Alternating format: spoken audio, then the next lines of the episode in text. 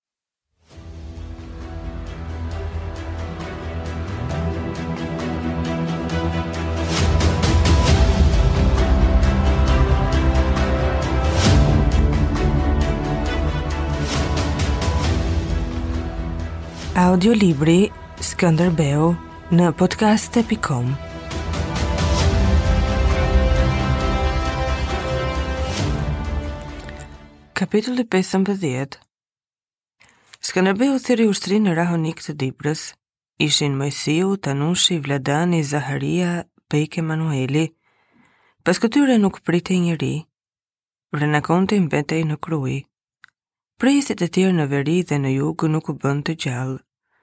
Papa Kalisti i Tretë i dërgoi 5000 florinj dhe një letër, me të cilën i jepte zemër të qëndronte dhe i bënte të ditur se do të çonte një anije në Rodon. Alfonsi ishte i sëmurë, në luftë me Gjenovën dhe ende i tronditur nga tërmeti i vitit të kaluar që gati përmbysi Napolin. Venediku përgatitej t'i bënte ballë flotës së re turke në Egje. Të gjithë ishin të zënë.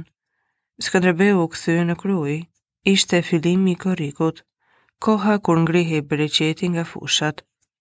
Ai kërkoi të viheshi në punë të gjithë, burrat, gratë, ushtarët dhe murgjit e manastireve, të plotësoheshin kështjellat me ushqime dhe popullsia të tërhiqej në male. Në disa kuvende të shpejta, ai tha se do të përpiqej të ndalte armikun në kufi, por armiku ishte i shumtë. Mund të ngjante që Kruja dhe i gjithë vendi t'i shtroheshin rrethimit si në kohën e Muratit, por me gjithë këmbënguljen e tij, nuk arriti të krijonte nxitjen e duhur. Populli nuk besonte që ai do ta linte armikun të kalonte. Skënderbeu u kthye në Rahonik, spiunët dhe letrat nga jashtë flisnin për një ushtri turke që shkonte nga 40.000 në 80.000 vetë. Në mesin e korrikut arritën në kufi akënxhinjtë, pararojë. Pas tyre vinin Evrenozi dhe Hamzai. Në këshillin e luftës Skënderbeu tha se do të bëhej luftë për shpëtimin e vendit dhe për hakmarrje dhe se ajo do të ishte një luftë e ndryshme. Pritat, sulmet e natës, dredhitë që ishin përdorur në beteja të shkuara, duheshin lënë mënjanë. Me Evrenozin po vinte Hamzai që dinte çdo gjë. Ushtria e tyre ishte e madhe dhe e pajisur mirë. Sultani donte të përmbyste Arbërinë e dëmtuar rëndë nga luftërat dhe tradhtitë. Ai fliste si një njeri që mendohet me zë të lartë. Karvanet me ushqime do të tërhiqen drejt maleve që ushtria të jetë e lirë për lëvizje. Do të luftojmë në kufi, po atje nuk do të lëmë kokën. Do të mbrohemi në male dhe kështjella, kish thënë ai. Ato që tha nuk dukeshin të kuptueshme, dukej se nuk i zinte besë këshillit dhe mbante në mendje diçka. Heshtjen e rëndë e theu Tanushi. Përse u dashka të luftojmë me njërën këmbë në Dibër dhe pastaj të tërhiqemi në male dhe kështjella? tha ai. Që Evrenozi dhe Hamzai të besojnë se ne jemi të shpërndarë, u përgjigj Skënderbeu. Ndenji i heshtur për disa çaste si i ngurosur e pastaj tha: Do t'i godasim në vendin e duhur. Ata s'kanë për të dalë të gjallë prej këtej.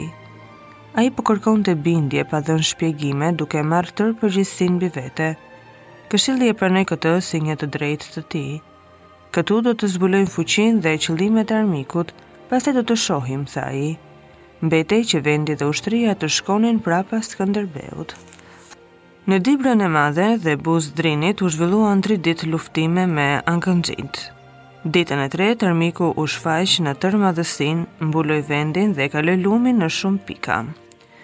Luftimet e fundit u bënë në Çidhnë. Ushtria e Skënderbeut, 6000 kalorës dhe 5000 këmbësorë, e lirë nga plaçkat, u tërhoq. Evrenozi humbi nga sytë Skënderbeun. Ai zbriti në mal me gjysmën e ushtrisë nga Bulqiza dhe Hamzai me gjysmën tjetër kaloi nga katër grykët, për t'u bashkuar në Mat.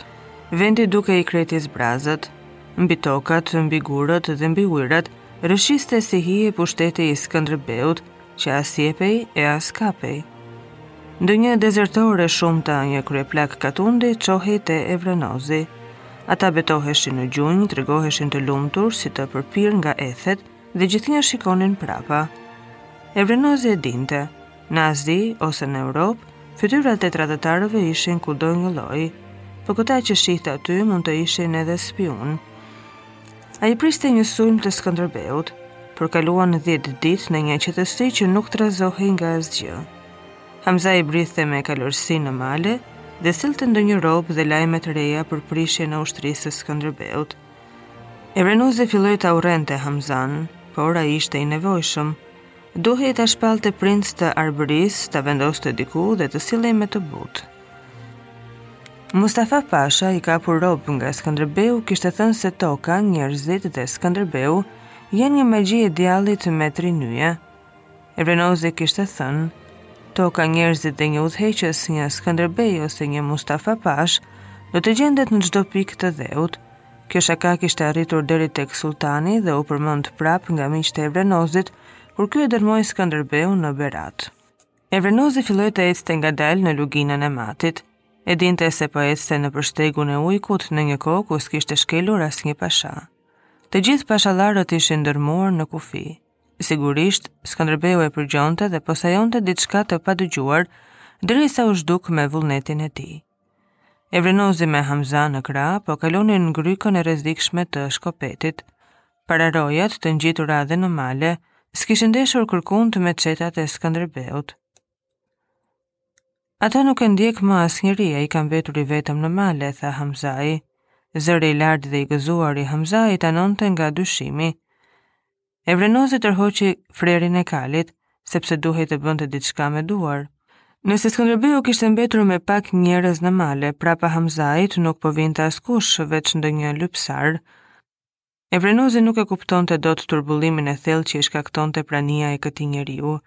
I vinte sikur i ngjallej në bark një kafshë e vogël, Kur u takuan në fillim, Hamzai i kishte thënë si me shaka se ata kishin luftuar me njëri-tjetrin në Berat. Dy vjet më parë, atë mbrëmje, kur ra në gjunjë të falej për fitoren, Evrenozi ndjeu se fati do ta çonte edhe një herë përballë Skënderbeut që i shpëtoi nëpër duar. Kjo ndjenjë e pushtonte sa herë dëgjonte të flitej për të. i bëhej sikur Skënderbeu ia kishte caktuar orën e hakmarrjes dhe e linte përkohësisht të lirë të bënte ca marrëzira.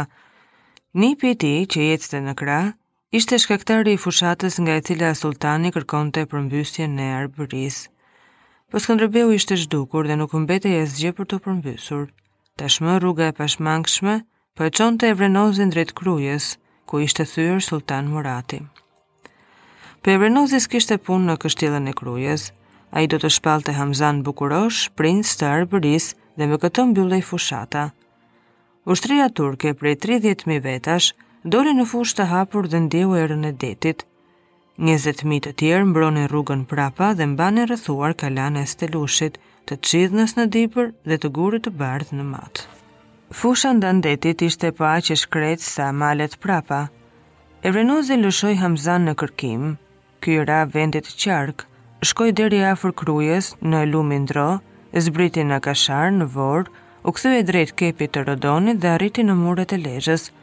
Plaçkiti e dogji dhe vuri në tortura këdo që gjeti. Asnjëri nuk dinte gjë për Skënderbeun dhe thoshin të njëjtën gjë.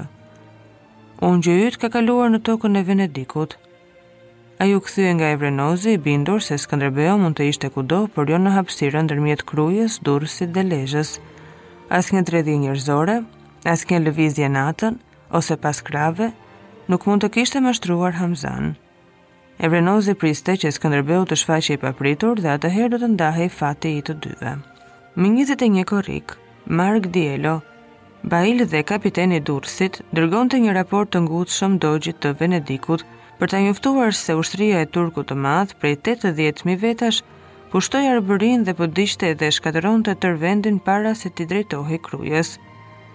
I madhërishmi Skënderbej, i braktisur nga të gjithë, ishte parë disa ditë rreth Lezhës dhe ishte zhdukur në male të shpëtonte kokën derisa i tërë vendi u bashkua me Turkun. Baili i bie në të kur thotë se Turku po digjte vendin para se t'i drejtohej Krujës, atë bëri Evrenozi nga gjysma e korrikut deri në fund të gushtit.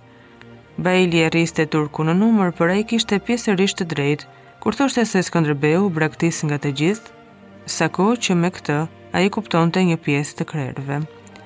Por Baili gabohej kur e quante Skënderbeun të zhdukur, dhe është për t'u habitur që një vrojtues i afërt dhe me lidhje të shumta në thellësi të vendit të mashtrohej tërësisht në këtë pikë.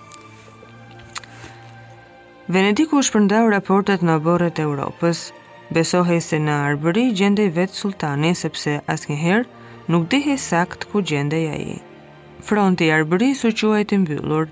Atëherë Papa Kalisti kuptoi se kjo mësymje e Mehmetit me forca aq të mëdha nuk ishte një fushatë e thjeshtë për ndëshkim e plaçkë, por një lëvizje themelore.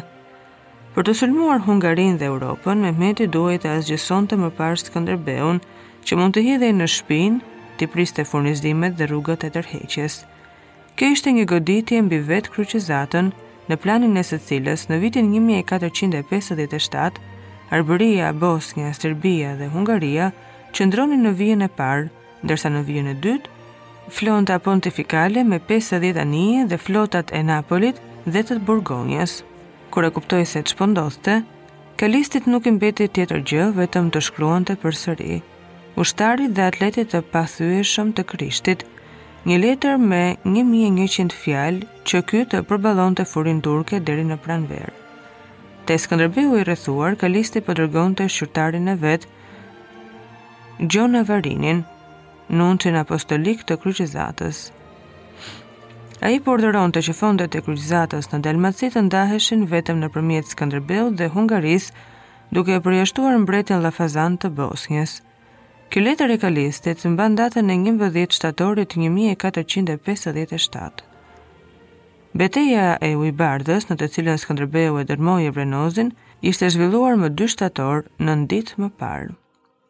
Në gusht, patrulla të forta turke ishin ngjitur në malet e Matit dhe të Krujës, si dhe në Kërrabë dhe zbrisnin në grykën e Ishmit, duke e zgjeruar rrethin e kërkimit.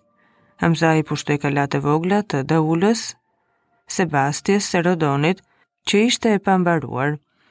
Skënderbeu nuk ishte në Krujë në asnjërën nga kalatë që mbaheshin ende të rrethuara. Duke pritur e duke kërkuar, kaloi vera. Gjykimi i thoshte Evrenozit se puna e Skënderbeut nuk mund të quhej e mbyllur. Vendi fshihte diçka dhe rrinte në pritje, por koha filloi të bënte punën e saj. Vinin lajme se Skënderbeu gjendej në malet e Martaneshit me një grup besnikësh dhe se bënte përpjekje për të hyrë në tokën e Venedikut. Donika dhe Gjoni gjendeshin në Lezhë dhe Mamica në Durrës. Hamzai filloi të ngulte këmbë për rrethimin e Krujës. Evrenozi hetonte me sytë e kaltër të Hamzait që po bëheshin të argjendtë dhe shihte se ai vazhdimisht kapërdinte një dyshim që nuk donte t'ia pohonte as vetes. Ky dyshim po ia brente fytyrën e bukur dhe përhapej brenda tij duke e kalbur. Ankthi, urrejtja dhe çdo gjë që kishte të bënte me vendin e tij, e shtynin në mizori të ulëta. dhe sa më tepër vriste, aq më shumë ndryshohej i pushtuar nga ftohtësia. Kërkonte një zgjidhje të gjendjes së vet, kërkonte një emër. Evrenozi ia nxiste dëshirën për mizori. Kjo i shtonte sigurinë se të paktën ai nuk do ta tradhtonte. Po megjithatë kjo nuk e çonte në asnjë përfundim. Ushtria që nuk gjente rreth e qark asgjë, po binte në plogështi. Kjo ushtri turke që nuk ecte, nuk pushtonte, nuk bënte plaçkë, sëmurte vetveten me kalimin e javëve. Evrenozi duhej të bënte diçka dhe e vetmja gjë që i mbetej ishte t'i drejtohej Krujës. Por aty do të fillonte një rrethim i gjatë duke zbuluar krahët para Skënderbeut dhe kjo do të përfundonte më keq se rrethimi i Sulltan Muratit. Veç kësaj, kalaja e Krujës ishte zgjeruar dhe mbrohej nga një garnizon i dyfishtë. Evrenozi po mendonte për zgjidhjen e dytë. Ta shpallte tradhtar Hamzanë, t'i priste kokën dhe t'ia çonte sulltanit, si të vetmen trofe të asaj lufte, duke e quajtur të asgjësuar Skënderbeun. Por Mehmeti nuk i pranonte shakatë kur nuk i bënte vetë. Në mesin e gushtit, kur ushtria po jepte shenja të dukshme të lodhjes dhe të shthurjes, Evrenozi lëvizi kampin nga Gryka e Matit dhe e çoi tek Uji i Bardhë, katër orë afër Krujës. Aty komandanti i ushtrisë do të mendohej, ndoshta do të vendoste për një zgjidhje të tretë. Më 31 gusht, 10.000 spahinj dhe jeniçerë, lulja e ushtrisë, u rreshtuan në një katror të madh në fushën poshtë kampit. Evrenozi rrinte këmbëkryq në çadër dhe shikonte vjedhur Hamzanë që po zbehej. Ai kishte ndjerë shikimet e komandantit mbi zverkun dhe kokën e tij që kur hynë në Arbëri. Sot do të shpallesh mbret i Epirit me vullnetin e sulltan Fatihut dhe vasalit të tij, tha Evrenozi. Hamzai e pa me dyshim, me sytë që i morën një ngjyrë blu të thellë, aq të thellë sa Evrenozi nuk po e shkëpuste dot vështrimin prej tij. Komandanti u ngrit, tha diçka nëpër dhëmbë dhe i hipi kalit para çadrës. Hamzai shkoi pas tij. Evrenozi i përcjellë nga gjykatësi, myftiu dhe pashallarët hyri në mesin e katrorit të spahinve dhe të jeniçerve, duke qëndruar në kalë me Hamzan në krahun e djathtë. Ranë daullet, u çuan flamujt, u vendos qetësia dhe Evrenozi ngriti në diell fytyrën e tij të tharë. Ai ndenji ashtu sikur po thëriste fuqitë e shpirtit për të nisur një rit, që do ta shkëpuste nga toka dhe bashkë me të do ta çonte pezull gjithë ushtrinë. Sulltani kishte thënë, të shpallet sundues pas shkatërrimit të Skënderbeut pa e përmendur Krujën. Meqë Skënderbeu ishte shpallur nga gjithë bota i shkatërruar, Evrenozi mund të shkonte përpara. Ai hoqi rrotullën e fermanit nga brezi, e puthi dhe mbajti lart para fytyrës sikur ai ferman t'i drejtohej Zotit. Ushtria priti në heshtje fjalën e tij. Ai ishte një komandant, i vetmi pasha që kishte thyer Skënderbeun, Bir i Gazi Evrenoz Beut, një ndër pashallarët më të shquar të Sulltan Muratit, që çdo gjë që vinte prej tij buronte drejtpërdrejt nga Sulltan Mehmet Fatihu. Ai shpalli me zë të lartë pjesën e parë të fermanit. I quajturi Skënderbej, biri i Jovan Kastriotit, zhvishet nga të gjithë titujt, gradat dhe zotërimet, Koka e tij tradhtare kërkohet nga sulltani. Duke dëgjuar zërin e vet, Evrenozi besonte në atë çast se po zhvishte dhe po e dërmonte Skënderbeun dhe në të njëjtën kohë dukej se populli që jetonte në shpellat e maleve dhe i futur në dhe po mbante vesh. Duke e kurorëzuar Hamzan, komandanti po e ndillte këtë popull të dilte nga dheu, po i dhuronte një idhull tjetër, përsëri nga dera e Kastriotëve. Megjithëse ky nuk ishte as çereku i të parit, Po në rast se ky popull ishte i shurdhër ndaj fjalës, ai e ndiente urinë dhe afrimin e dimrit. Evrenozi bëri një shenjë dhe ranë daullet e mëdha. Armëmbajtësi i komandantit doli përpara, i përcjellë nga një skllav i zi që mbante në duar një jastik të qëndisur me ar, mbi të cilin kishte një kamë të stolisur me gurë diamanti. Pas këtij skllavi, ecte një i dytë që mbante në duar të shtrira një qyrk zibelini, Evrenozi vazhdoi leximin e fermanit që e shpallte Hamza Pashën sundues, duke pasur nën pushtet Arbërinë si dhe sanxhakët e Ohrit dhe të Gjirokastrës, për të qenë mbi të gjitha këto zot tributar, shërbëtor i përulur i Sulltan Mehmet Fatihut. Hamzai zbriti nga kali, i shtypur nga pesha e madhe e pushtetit që ra mbi të dhe shtrëngoi dhëmbët të mposhtte dridhjen e trupit. Po i ndalej zemra, Ai mori nga duart e armëmbajtësit kamën, e puthi, e vuri mbi ballë dhe e ngjeshi në brez. Pastaj ra në gjunjë dhe armëmbajtësi i hodhi qyrkun krahëve. Evrenozi i zbriti kalit dhe ia kaloi fermanin myftiut. Porsa shkeli në tokë, Evrenozit iu rikthyen dyshimet. Kishte luajtur kartën e fundit duke shpallur mbarimin e Skënderbeut dhe pushtimin e Arbërisë. Myftiu ngriti krahët dhe lavdëroi Zotin, profetin dhe sulltanin që ishte hija e tij mbi tokë. Ushtria brohoriti. Myftiu nisi lutjen për fitoren. Evrenozi më gjunjë, kaloi duart mbi fytyrë dhe katrori i madh ra në gjunjë si ai. Në darkën që shtroi Evrenozi, Hamzai rrinte në të djathtë dhe jo më poshtë se ai. Ky mbret i ri që falej pesë herë në ditë dhe që ishte bërë në çdo gjë më turk se turqit vetë, hante i mbështjellë me qyrkun që i kishte dërguar sulltani. Evrenozi i drejtohej me nderim të shtirë, kishte qenë për herë të parë në Arbëri në vitin 1435 për të shtypur kryengritjet, pastaj në Berat ku e dërmoi Skënderbeun. Tani po kryesonte këtë fushatë të tretë që ishte pa fillim e pa mbarim. Kishte krijuar një mbret pa mbretëri, pa një fron ku mund të ulej jashtë çadrës, pa një titull për të qeverisur. Pashallarët rreth tij mezi e përmbanin mllefin. S'kishin fituar asnjë betejë dhe nuk dinin se ç'do të bënin më tej. As ai vetë nuk e dinte. Do t'i shkruante sulltanit e do të rrinte në pritje me dëshirën për t'u shqitur një herë e përgjithnjë nga vendi i egër ku e kishte çuar fati. Prej pesë ditësh Skënderbeu shikonte qiellin dhe ndiqte ndonjë re të vogël që ngrihej nga deti. Ai provonte diellin në lëkurën e tij. Kurrë ndonjëherë njeriu nuk e ka lutur diellin siç bënte ai ato ditë. Kur dielli të bjerë drejt mbi kokat e tyre si në Berat, kur dielli të bjerë drejt në kokat e tyre si në Berat, kur të jenë duke falur drekën, duke pastruar morrat, duke luajtur me zare, kur të jenë në gjumë. Këmbëkryq rreth një prralli, ai ngriti prapë sytë që i lotonin mbi malin e Gjormit. Ai hoqi përkrenaren, Era ia mbështolli kokën dhe iu bë sikur dëgjoi një thirrje, ndenji i mbërthyer që të dëgjonte. Atë verë çdo thirrje e njeriut a hingëllim kali jehonte brenda tij dhe ai bënte çmos që të mbahej i qetë. Po ngjitej lart Tanushi. Ai u ndal para Skënderbeut dhe i bëri hije. Ishte ngarkuar me armë dhe përhapte nxehtësi, po shkrihej në djersë dhe nuk e ndjente. Pejku rrëzoi duajt e dushqeve, tha Tanushi. Skënderbeu u përkul, doli me kokën në diell dhe shikoi prapë malin. Kur ajri dhe toka të ziejnë me avujt kur të jenë Do të presim dhe pak, tha Skënderbeu. Kur ai nisi tërheqjen për së gjeri Arbërisë, nga Korabi deri në zotërimet e Venedikut buzë detit, po e linte edhe një herë vendin në duart e turkut si 7 vjet më parë. Populli nuk donte ta besonte, por pas lajmëtarëve të Skënderbeut, erdhën pararojat armike dhe populli u tërhoq në male me ngut, me plaçkën dhe me gjënë e gjallë. Ndonjëri që u vonua e pagoi pakujdesinë me humbje. Në korrik dhe në gusht njerëzit ndenjën duke pritur daljen e Skënderbeut që rrinte fshehur me ushtrinë dhe sa më gjatë bëhej mungesa e tij, aq më tepër rrinin me mendje të ngritur. Ulu, pusho pak, i tha Skënderbeu Tanushit.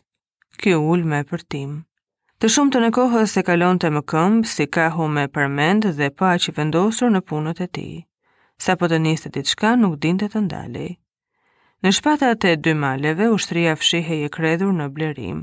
Nën tufat e lisave, aty këtu mbaheshin të shaluar kuajt, të mos dëgjohej koll ushtari as hingëllim kali. Ushtria prej 10.000 vetash rrinte aty, pa frymë prej 13 orësh dhe hante peksimet me djath. Në korrik dhe në gusht ajo ushtri ishte shpërndarë në çeta, në pyjet e Martaneshit, në kreshtën e Mirditës dhe në liqenin e Lurës, larg rrugëve të turkut. Skënderbeu i kishte bërë të gjitha që të shpallej i mundur dhe i arratisur. Kishte qenë një ikje e vështirë, më e vështira që kishte provuar në të gjitha luftrat e shkuara.